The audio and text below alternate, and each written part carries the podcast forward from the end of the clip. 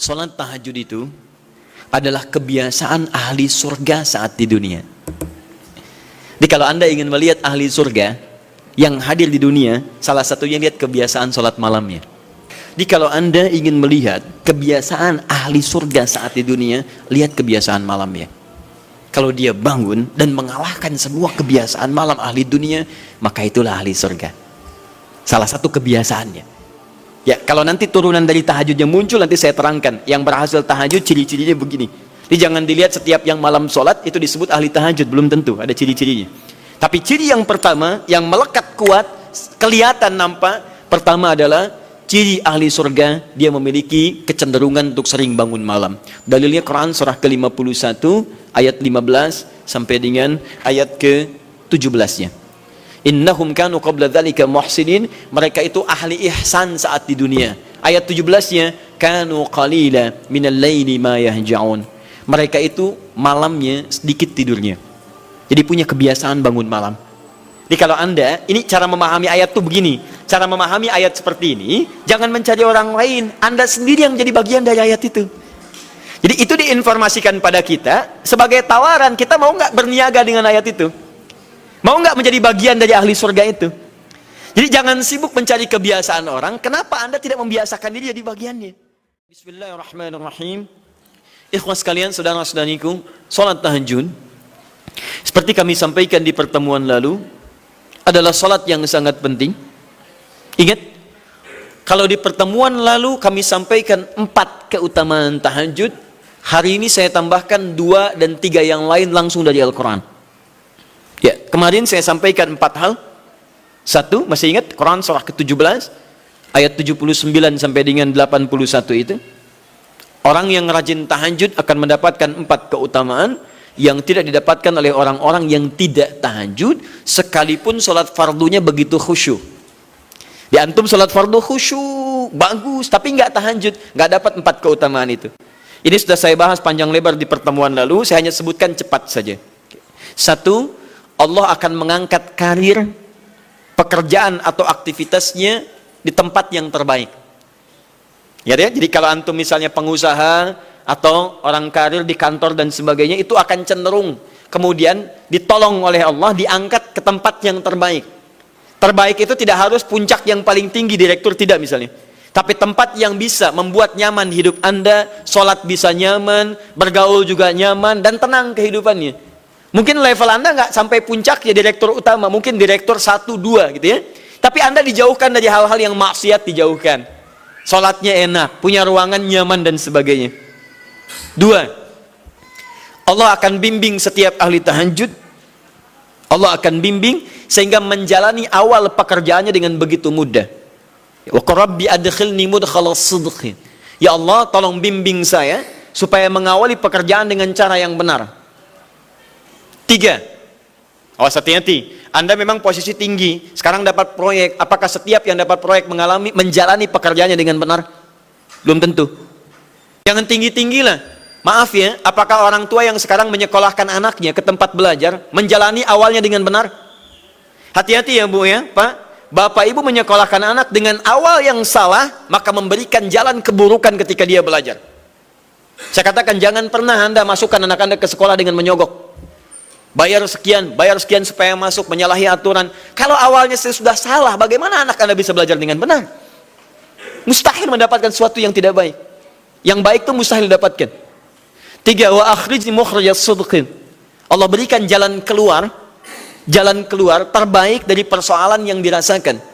Di ahli tahajud itu setiap punya masalah, bukan nggak dapat masalah ya, bukan tidak bermasalah hidupnya. Dia mendapat ujian juga. Cuman sebelum diuji, diringankan masalahnya. Sehingga seakan-akan gak punya masalah. Padahal sama dengan yang lain. Cuma saat akan dia lalui, Allah ringankan persoalannya sehingga mudah dilalui.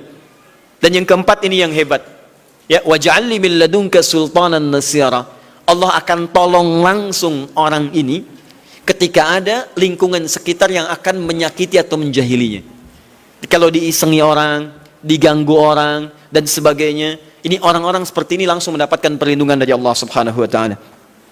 Ada satu kali, ini kisah nyata, seorang saleh, ahli tahajud, Sampai saking ahli tahajudnya tidak ingin meninggalkan kebiasaan ini. Ini sangat nyata kisahnya dan tidak mengarang. Satu kali Pak, kemudian malam-malam dia perjalanan dengan rombongan. Begitu perjalanan orang-orang tidur sampai dia mengendap-endap kebiasaannya tidak ingin diketahui oleh orang lain. Satu malam kemudian dia bangun setelah orang lain tidur, masuk dia sedikit ke area sedikit ada dalam hutan.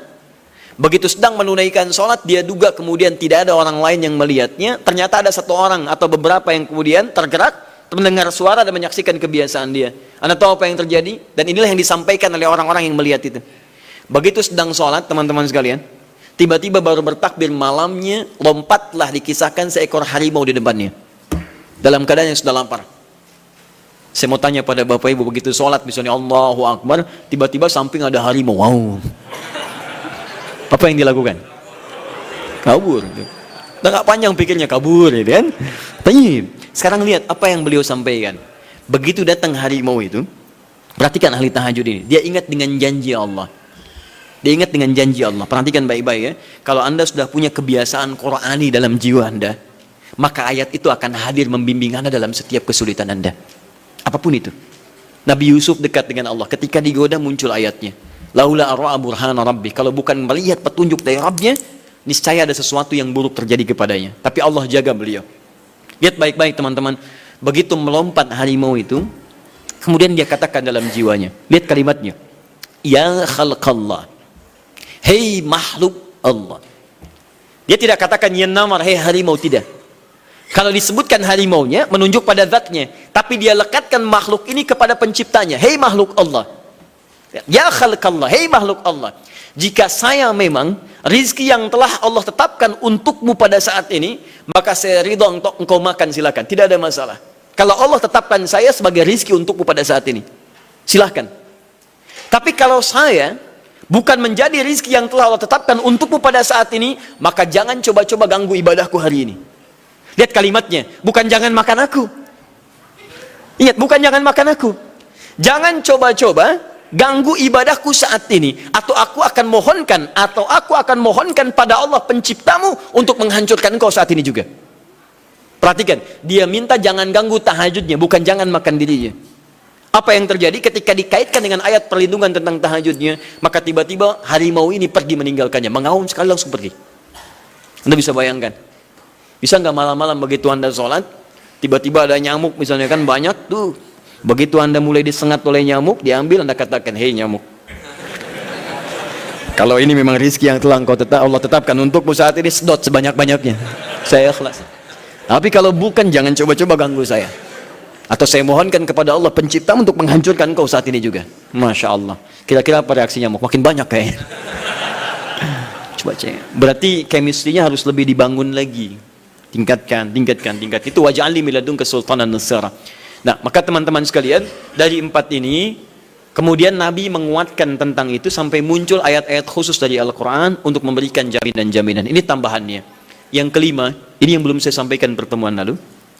Kelima, Sholat tahajud itu adalah kebiasaan ahli surga saat di dunia.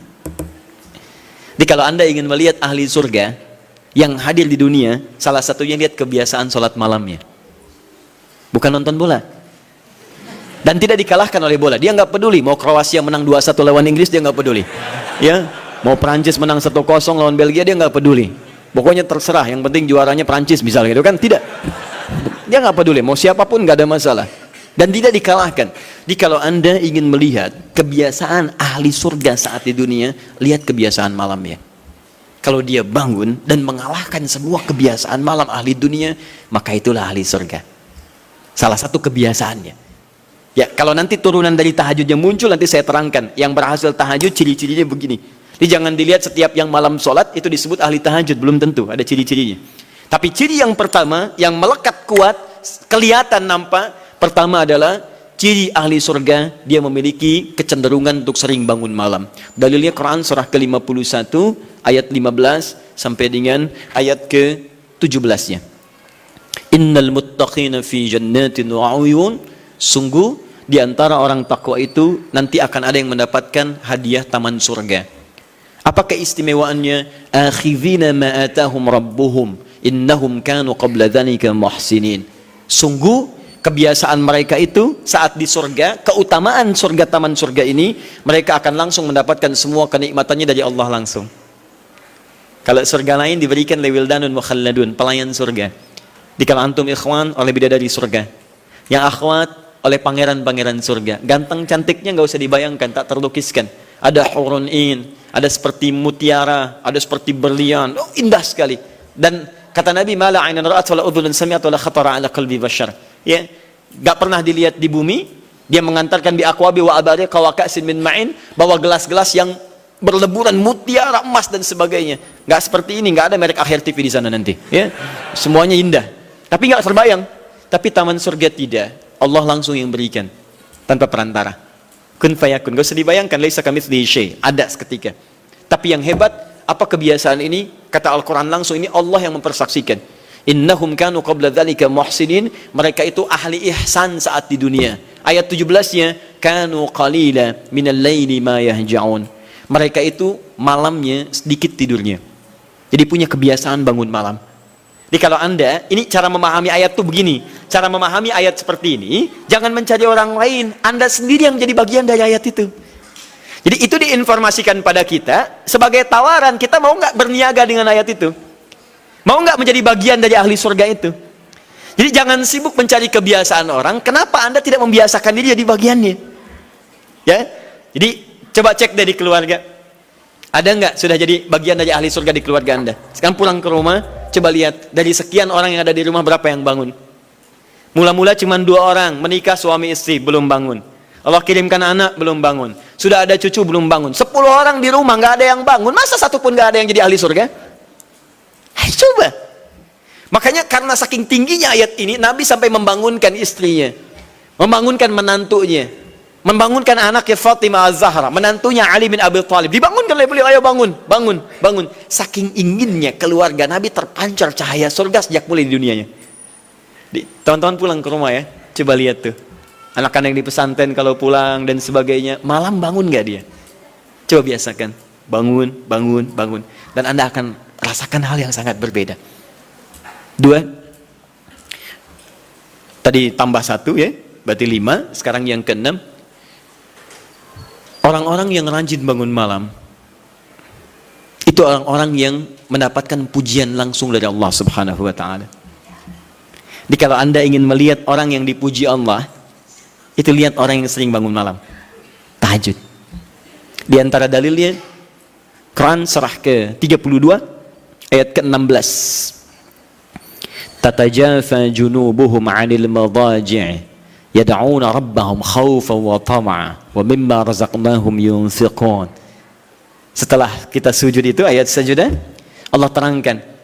Itu indah sekali kaitannya. Nih di antara orang sujud ini ada yang lebih hebat lagi. Kalau anda sholat subuh baca misalnya ayat sajadah sujud. Allah terangkan. Di antara sifat orang yang rajin sujud ini adalah orang-orang yang rajin tahajud. Tatajafa junubuhum anil madaji' Mereka sering menghindari tempat tidur di malam harinya. Maksudnya apa? Rajin tahajudnya. Di ada orang-orang yang dipuji oleh Allah Subhanahu wa taala karena kebiasaan malamnya dia menghindarkan diri dari tempat tidur. Maksudnya bukan nggak tidur. Rajin bangun malamnya. Rajin bangun malam. Bapak Ibu kurang apa lagi ya? Kalau ada orang dipuji misalnya saat di dunia, presiden memuji seseorang, artinya presiden menyukai dia. Artinya presiden menjamin kemudahan baginya. Kalau ada orang yang dipuji Allah, artinya Allah mencintai dia dan menjamin kemudahan dalam kehidupannya. Maka dekati orang-orang seperti ini. Saya sarankan kalau antum punya teman, ikhwan sekalian, sedang mabit misalnya atau tugas dinas keluar. Tiba-tiba tengah malam di hotel dia bangun sholat, itu teman terbaik anda. Saya katakan pada anda, tandai orang ini dan dekati dia saat di kantor. Bangun bangun ukhuwah dengannya, persahabatan dengannya. Maka ketika Anda mendekati orang-orang yang dipuji oleh Allah, maka Anda pun akan kedapatan bagian dari pujiannya. Karena mustahil orang yang dijaga oleh Allah mengajak Anda pada maksiat, itu mustahil. Mustahil. Sama teman-teman yang masih di kampus, kalau malam-malam misalnya di asrama atau pulang tiba-tiba ada orang-orang yang kelihatan sholat malam, dekati orang ini. Jadilah bagian dari sahabatnya. Dan dengan itu saya ajak, coba cek pasangan hidup Anda. Jangan-jangan selama ini Anda berdua belum mendapati sesuatu yang terbaik. Kalau ibu ingin suaminya dipuji oleh Allah Subhanahu wa taala, maka bangunkan malamnya supaya dia sholat. Kalau Anda istri Anda ingin dipuji oleh Allah Subhanahu wa taala, bangunkan malamnya supaya dia sholat. Dan kalau bisa keduanya kompak. Pernah kan saya sampaikan di pertemuan lalu, Nabi menyampaikan, lihat rahimallahu ra'an atau ranjulan. Allah menahmati seorang lelaki Kemudian yang bangun di pertengahan malam dia sholat, lantas membangunkan istrinya dan mencipratkan air di wajah istrinya supaya dia bangun menunaikan sholat malam. Seperti Allah merahmati seorang istri yang bangun di malam hari untuk sholat, kemudian dia mencipratkan air di wajah suaminya supaya bangun untuk sholat. Saking tingginya mendapatkan pujian Allah, sampai kata Nabi SAW, ayo bangunkan istrimu sekalipun kau cipratkan air di wajahnya. Tapi mohon izin bu ya, maksud hadis itu kalau sudah ada komitmen dan rencana bangun di malam harinya. Ingat ya? Bukan ibu ngaji sekarang suami nggak hadir. Terus dengar itu, terus nggak punya rencana. Aduh, saya pengen suami dipuji Allah. Masya Allah, malam-malam segayung pak. Mama kenapa? Hadis Nabi pak. Oh hadis Nabi. Aduh, siapa yang ngajarin? Nah, itu yang repot. Paham ya? Baik, sudah yang terakhir. Ini menunjuk pada keutamaan tahajud. Kemarin empat, saya tambahkan jadi tiga. Satu, masih ingat tadi yang pertama apa? Allah Subhanahu wa taala menjamin ia sebagai ahli surga, kebiasaan yang ada di dunia. Yang kedua, Allah memuji orang ini dan yang ketiga, tahajud itu kebiasaan orang soleh yang ditekankan oleh Al-Quran dan hadis Nabi SAW. Kebiasaan orang-orang soleh. Jadi kalau yang pertama ahli surga, kedua dipuji Allah, yang ketiga langsung dikuatkan orang-orang soleh. Dan orang-orang soleh itu, mohon izin ya, maaf, orang soleh itu tempatnya saat di surga itu sesurga dengan semua nabi semua nabi dan rasul ayatnya ada di Quran surah keempat An-Nisa ayat 69 paling kanan di pertengahan ومن يطع الله والرسول فأولئك مع الذين أنعم الله عليهم من النبيين والصديقين والشهداء والصالحين وحسن أولئك رفيقا Siapa yang mau menaati Allah dan Rasulnya maka dia bisa sesurga dengan orang-orang yang telah Allah berikan jaminan nikmat surga untuk mereka. Di antara mereka para nabi, awas, para syuhada, sedekhin orang-orang jujur, wassalihin orang-orang soleh. Ini syahidnya di ayat ini bahwa orang-orang soleh akan sesurga bersama semua nabi.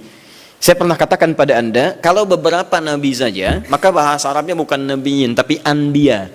Anbiya. Karena itu ada surah ke-21, surah Al-Anbiya di situ dikisahkan beberapa nabi saja. Puncaknya di, di Quran surah 21 ayat 83 sampai 90. Di situ ada kisah Nabi Zakaria, kisah Nabi Yunus, kisah Nabi Ayub dan sebagainya. Anda bisa baca itu ada turunan para nabi, tapi tidak semua nabi dikisahkan. Tapi kalau Anda ingin sesurga dengan semua nabi tanpa kecuali, maka Anda kerjakan sebagai orang soleh saat di dunia ada peluang mendapatinya. Nah, ciri orang soleh yang ditekankan itu, dia adalah orang-orang yang rajin bangun malam saat dia berada di dunia. Itu yang disampaikan tekanannya di Quran surah ke-76 Al-Insan ayat ke-26. Wa minal laili fasjud wasabbihhu tawila. Dan di antara sementara malam tidak usah sepanjang malamnya, tapi sebagian malam cari waktu untuk banyak bersujud kepada Allah dan memperbanyak tasbih kepadanya. Di antara makna tasbih dan sujud itu adalah tahajud.